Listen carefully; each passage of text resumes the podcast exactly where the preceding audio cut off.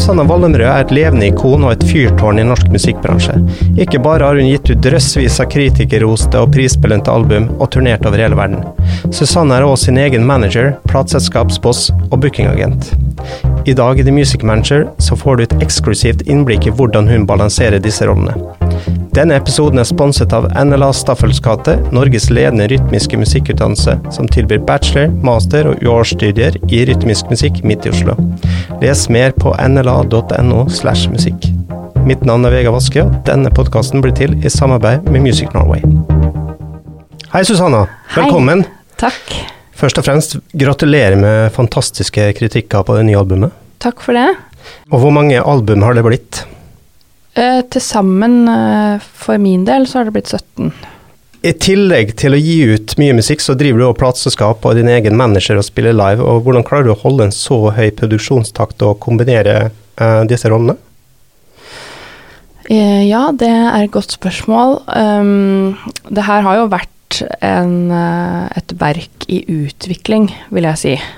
Uh, både det at jeg utgir musikk nå på mitt eget plateselskap, og at jeg gjør mye booking og management og produksjon uh, selv.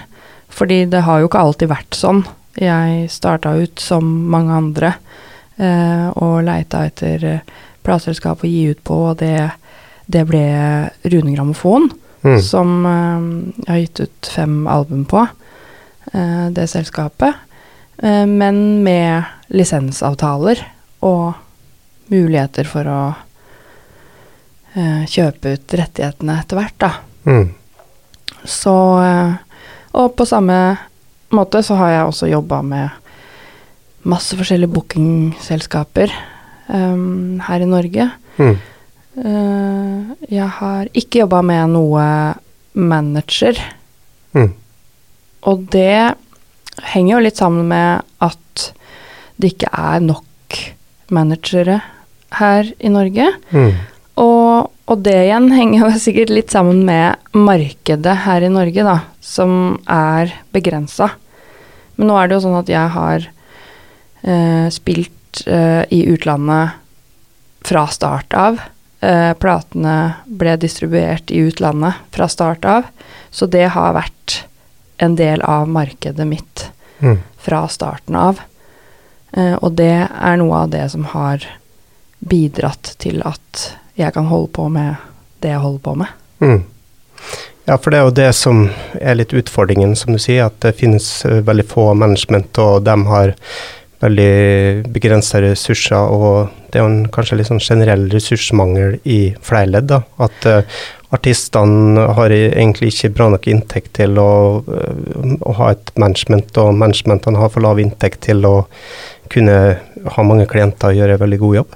Ja, det henger jo sammen med det. Og jeg tenker at for min del så um, Jeg har jo vært i dialog med folk, jeg har vært i prosess uh, opp igjennom.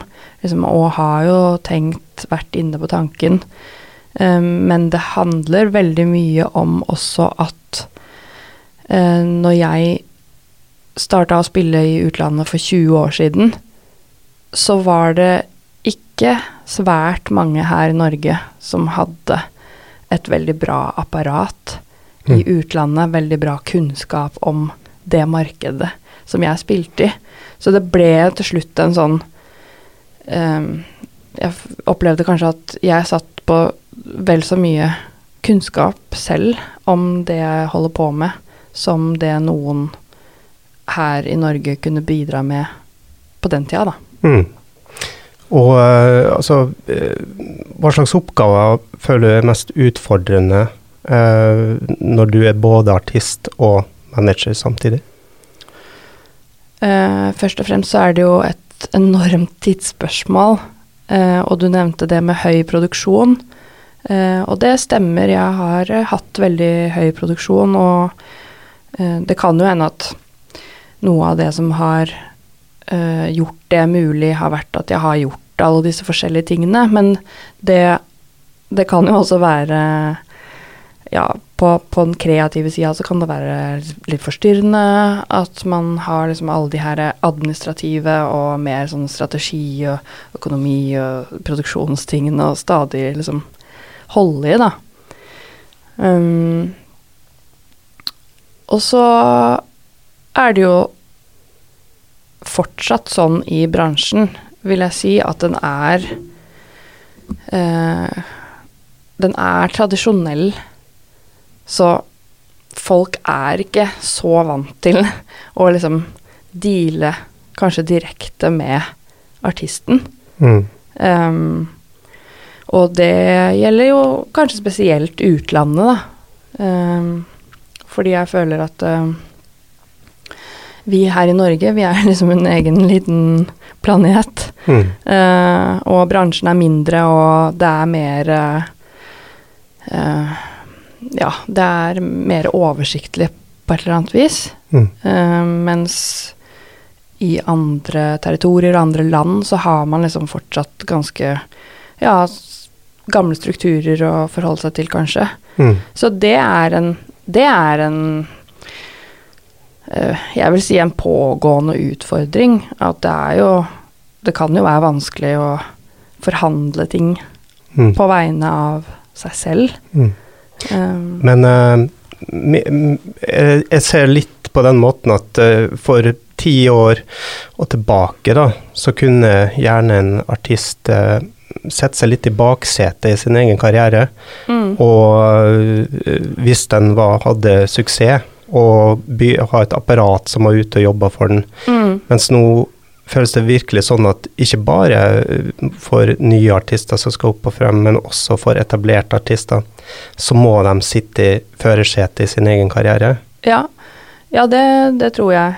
Uh, og det Jeg tenker jo at det kanskje alltid har vært sånn at man kanskje burde sitte i førersetet for sin egen karriere. Det er bare det at eh, strukturene har vært annerledes. Mm. Altså både plateselskap og management og booking-delen har vært kanskje store, etablerte aktører Mm. eh, på den tida hvor det var liksom nok økonomi både på utgivelsessida og i livemarkedet Mm. til at man kunne ha disse apparatene og sånn, og da var det kanskje mer vanlig eh, En mer vanlig holdning, rett og slett, i bransjen. At eh, dette tar vi oss av, og så tar du deg av musikken. Mm.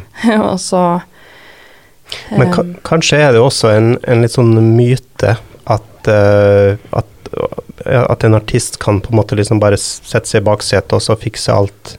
Uh, fikse alle andre alt. Ja, jeg, jeg, Jeg tror det. Jeg tenkte på, jeg så den her um, Gimme Shelter, den uh, Rolling Stones-dokumentaren da han spilte Monterey.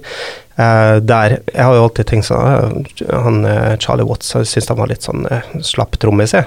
Men uh, når jeg så, så han og, og liksom Mick Jagger sitte i liksom studio og se gjennom de opptakene, så skjønte jeg at å ja, han på en måte Mm. var en sånn veldig viktig drivkraft i kanskje det organisatoriske og det businessmessige. da. Ja, ikke sant. Og, og at uh, den da falt litt den derre Å ja, det, faktisk de artistene de er med på en måte på ballen, og de er i sine egne karrierer. Ja, og det er jo litt det du snakker om der, er jo også deler som ikke er synlige, så synlige da, for omverdenen. Mm. At um, Så jeg tror også, tilbake i tid selvfølgelig, at det har vært uh, mange artister og band som har hatt meninger og, og har ønska å, å sitte mer i førersetet, og sikkert har vært mer i førersetet også. Mm. Så, men nå er det jo Det er andre tider og en litt sånn eh, Hva skal man si Punktert eh, økonomi og struktur, og det har vært liksom Det har jo skjedd mange ting i løpet av de siste 20 åra. Mm. Så det er blitt mye mer vanlig både for artister å eie musikken sin selv, og ha labler og lisensiere ut til store eller små selskaper, Mm. og til å sitte nærmere det meste. Du har jo samarbeida med veldig mange andre, og kjenner jo de fleste i den norske bransjen og det norske musikkmiljøet, men også internasjonalt. Eh, sånn som eh, andre artister som du kjenner fra USA og sånn, da? Altså, eh, merker du, er det noen slags sånn derre Hvordan forholder de seg til sine karrierer og det å ha støtteapparater etc.? Jeg tror Altså, min opplevelse er at uh, de sitter veldig nære de avgjørelsene som tas, og at uh, det um, Ja, det er viktigere for de fleste enn det tilsynelatende kan virke som, da. Fordi Mm. at man blir kjent med de på en måte gjennom musikken. Og det, sånn er det altså hvis du hører noens musikk, så, så jo Så kan du jo få en opplevelse av at du nesten kjenner de, på en Mm. måte. Men det eh, Man vet jo ikke helt hva det er som skjer i kulissene, på en måte. Nei, sant. Jeg husker en gang jeg satt i en taxi i New York med en stor amerikansk produsent og manageren hans, og så fikk han produsenten mail fra en publisher, og så sa han bare oh, what the fuck, og sånn skal det ikke være, og sånn. Og så tok han opp telefonen, ringte til den publisheren, og så bare hey, we need to fix this, og etc., etc. Og Ja. da var jeg sånn der, jeg satt i sånn, hæ? baner ikke manageren sin om å fikse det her?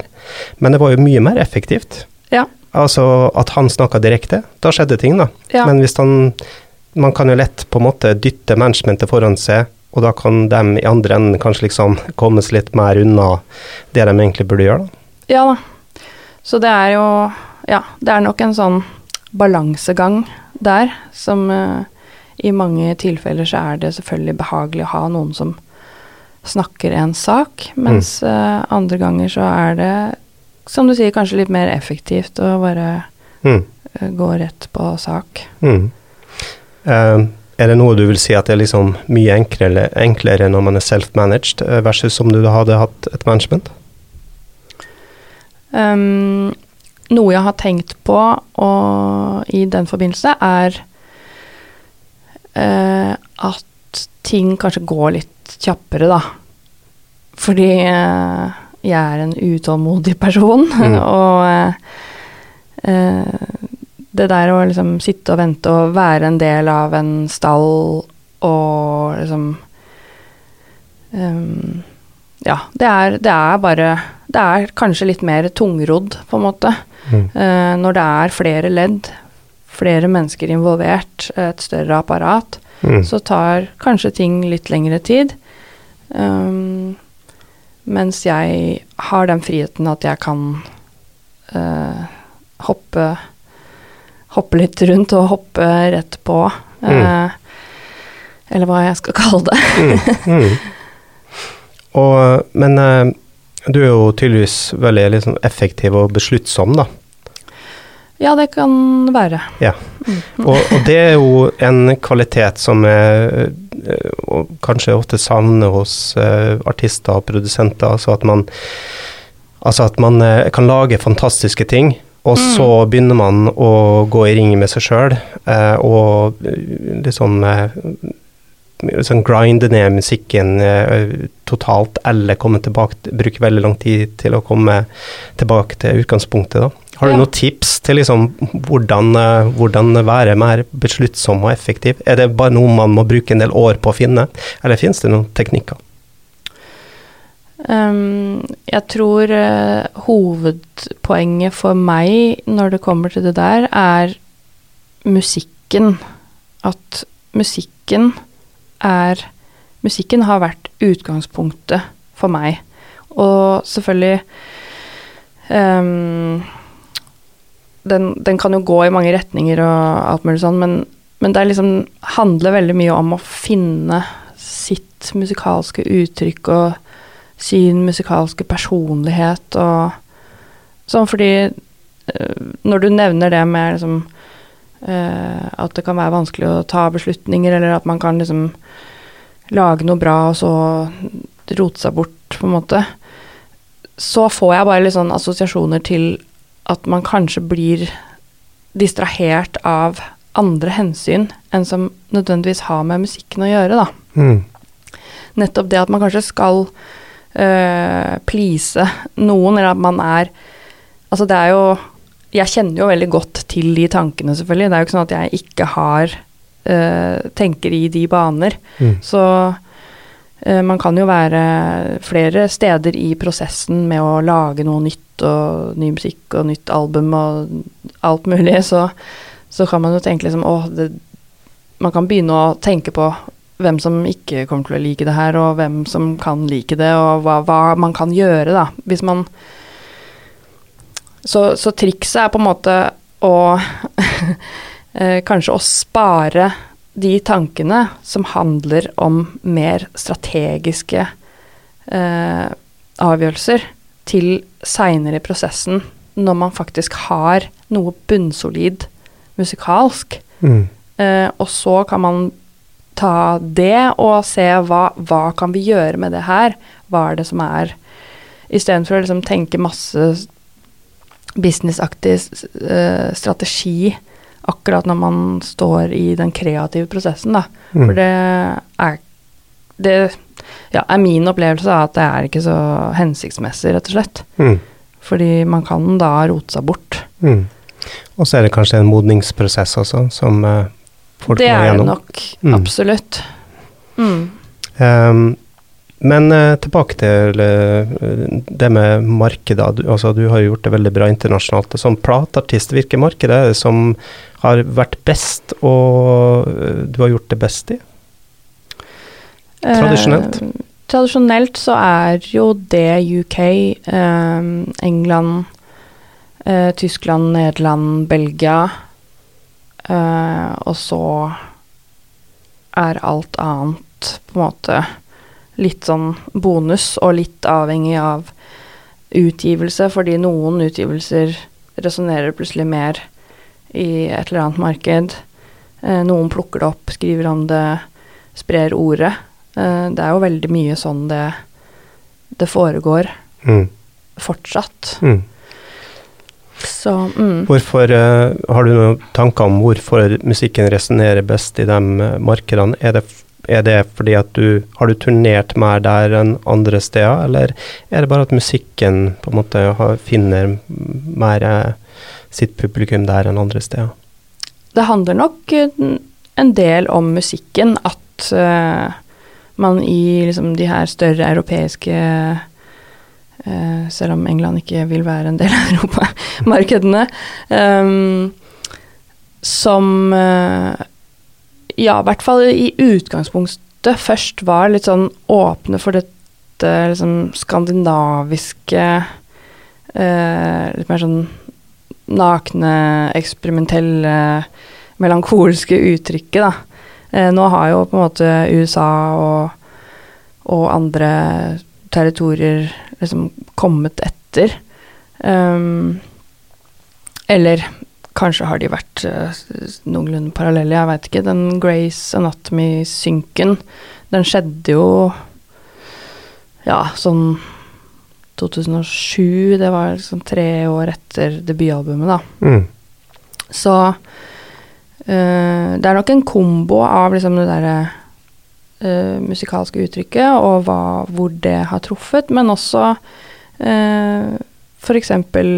nettverket til Rune Grammofon, um, som da var fortsatt, vil jeg si, litt Ja, var jo nyetablert, da, når jeg um, debuterte der med Susanne Magical Orchestra. Men, um, men hadde allikevel gode liksom, gode kanaler ut. Jeg hadde fått noe oppmerksomhet Mm. for, for oppmerksomheten Nei, de hadde fått noe god oppmerksomhet for utgivelsene sine, da. Mm.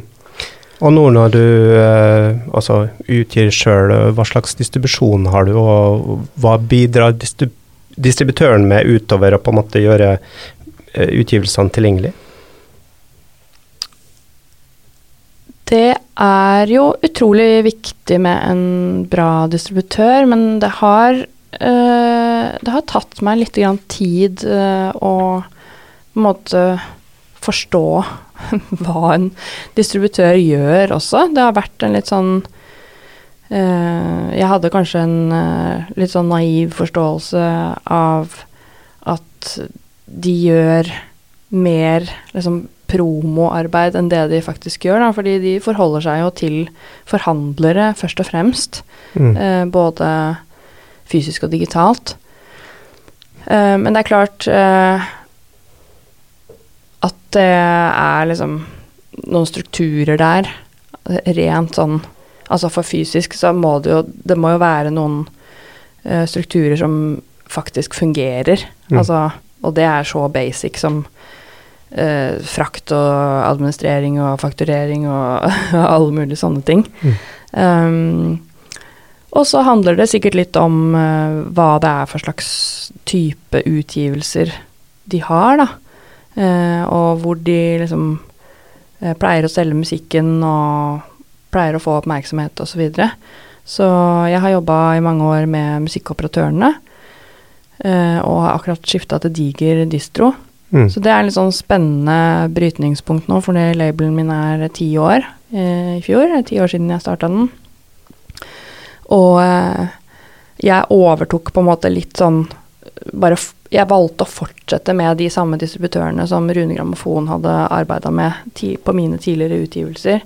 Så eh, det har vært eh, også litt eh, samarbeidspartnere i utlandet, som Cargo og diverse distributører rundt omkring i Europa. Mm. og også USA. Mm.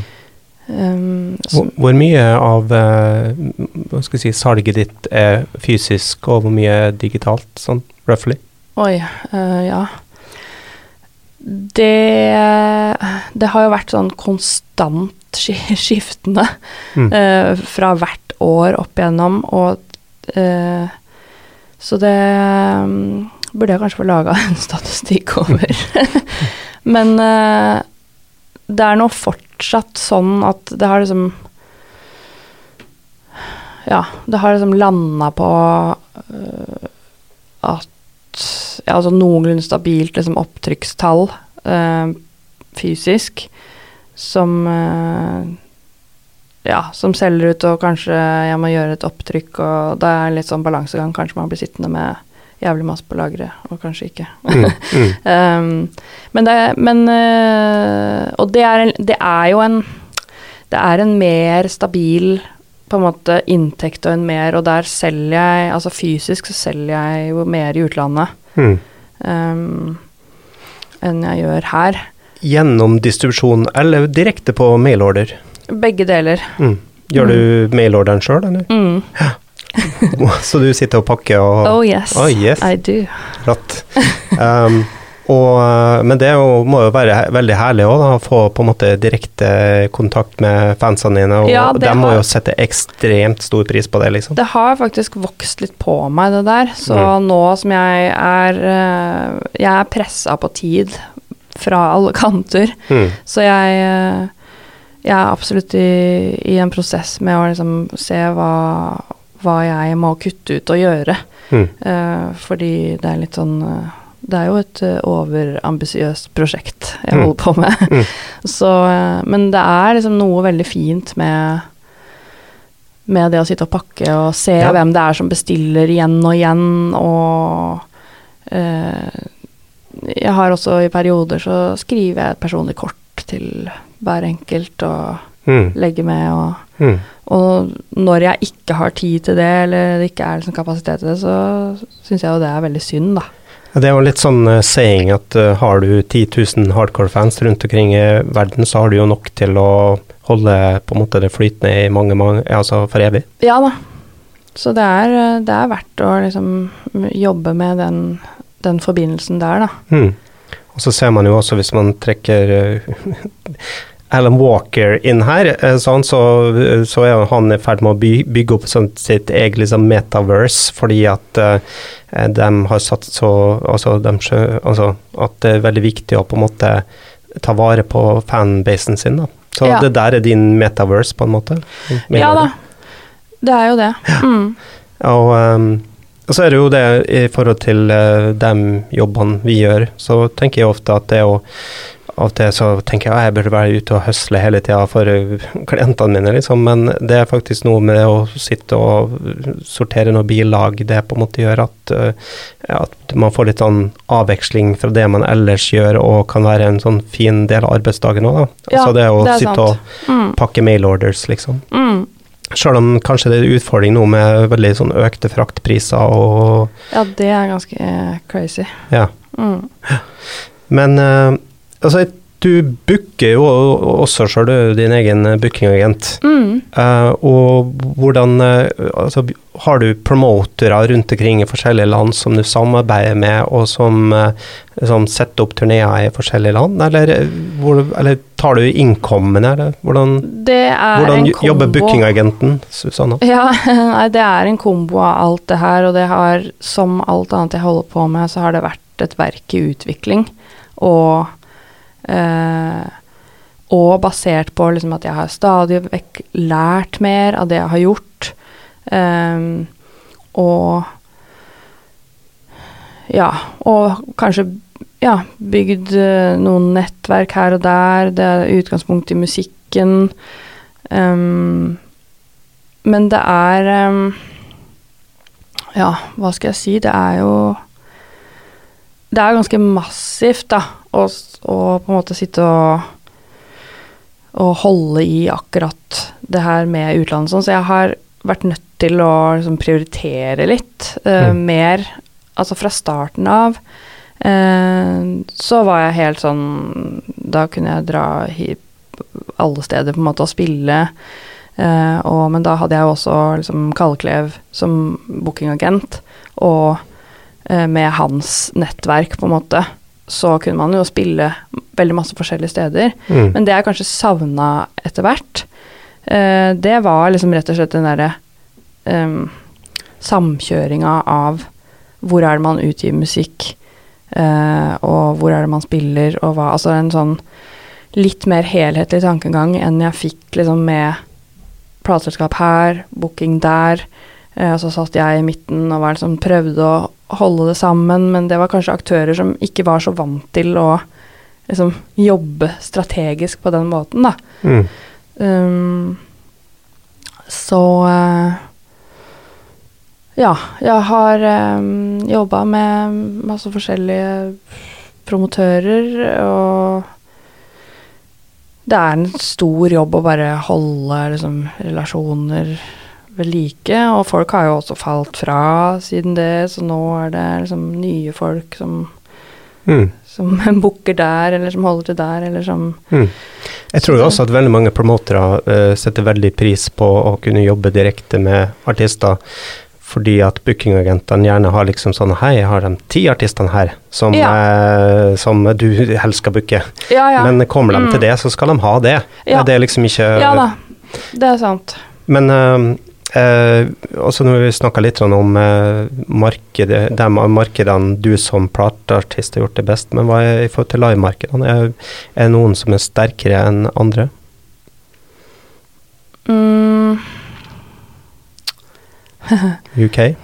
ja, UK og Irland og som jeg glemte i stad å nevne, som jo ikke er en del av UK, eh, og, og Belgia og Nederland og Tyskland. Det er egentlig de samme Mm. som jeg selger mest plater i. Mm. Og hva det var som kom først og sist der, det er jeg litt usikker på. Fordi det har vært eh, land som jeg har spilt i hele veien, eller som det har vært liksom interesse fra, da. Mm. Og hvor mange er på veien når uh, Susanna er ute og ruller? Oi, det er uh, litt forskjellig, fordi jeg har jo veldig mange forskjellige prosjekter. Mm. Så jeg kan spille solo, og jeg kan spille duo eh, og trio, og jeg har band, og jeg har en kvartett med hun som spiller harpe og akkordion og fele. og- Så det er eh, Har du da noen slags production manager eller tour manager som på en måte koordinerer, eller? eh, Nei, det du, du- gjør jeg. Det, det, det er det Ja, og det ansatt også er Susanna som også gjør, ja. Ja. Mm. Mm. ja Eh, det er galskap. Ja, nei, men eh, altså veldig imponerende, og jeg tenker også veldig inspirerende også, da. Eh, og jeg tenker at det kan jo være veldig sånn, ja, inspirerende for andre å høre at det er mulig å gjøre det sjøl. Eh, Ja. Men selvfølgelig, det comes with a price, kanskje også.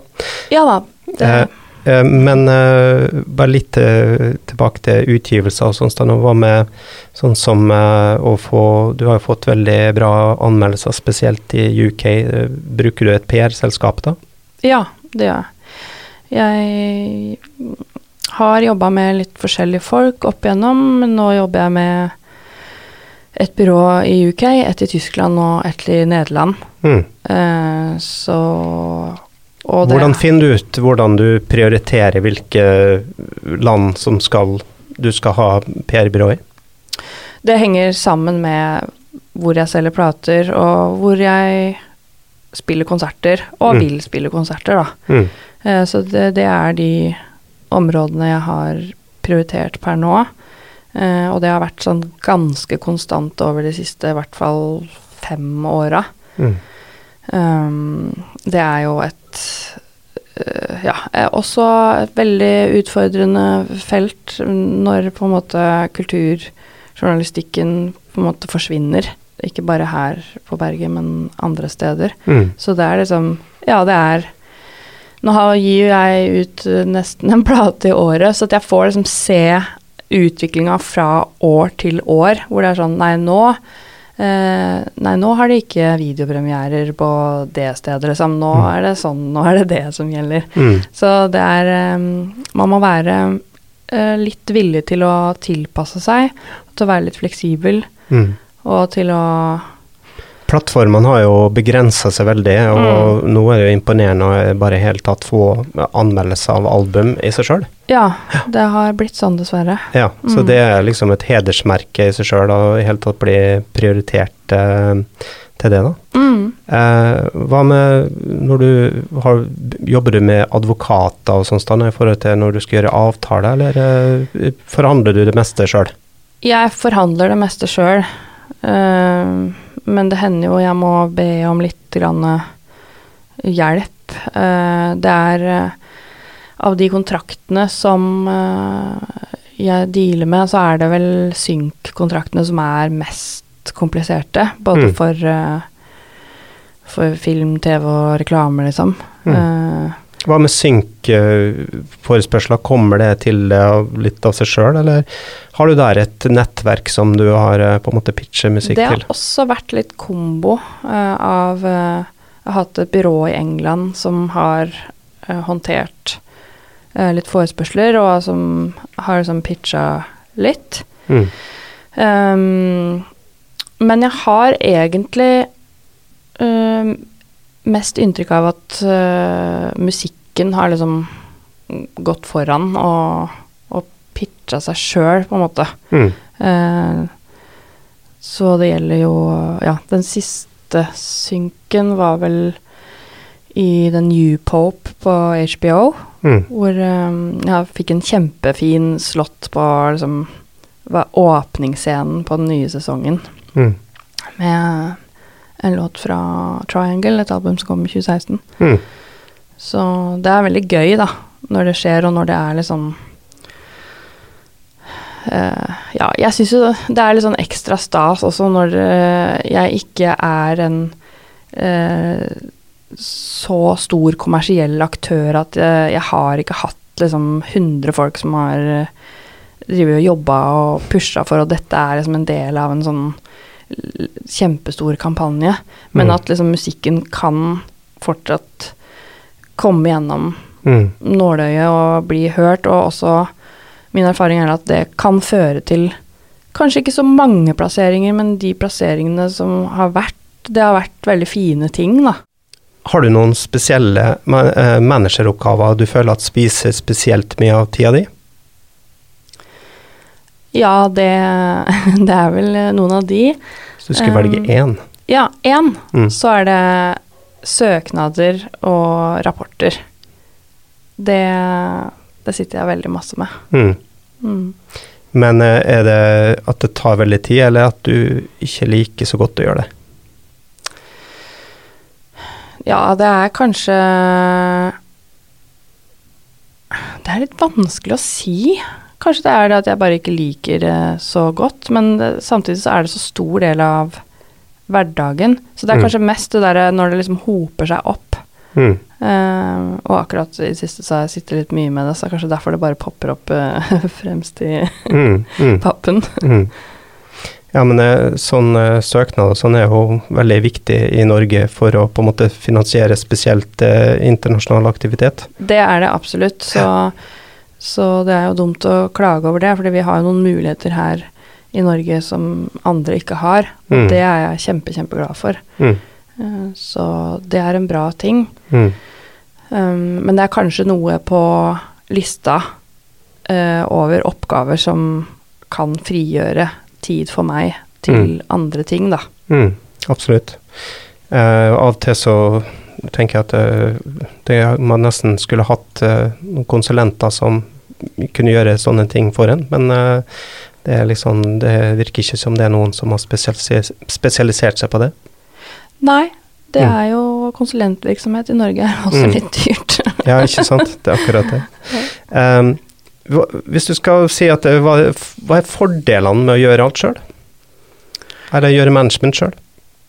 Det er at jeg sitter eh, veldig nære de avgjørelsene som tas. Jeg, jeg har jo fordelen av å liksom vite hva Være på innsida av intensjonen eh, bak det jeg holder på med, men Mm. også drivkraften.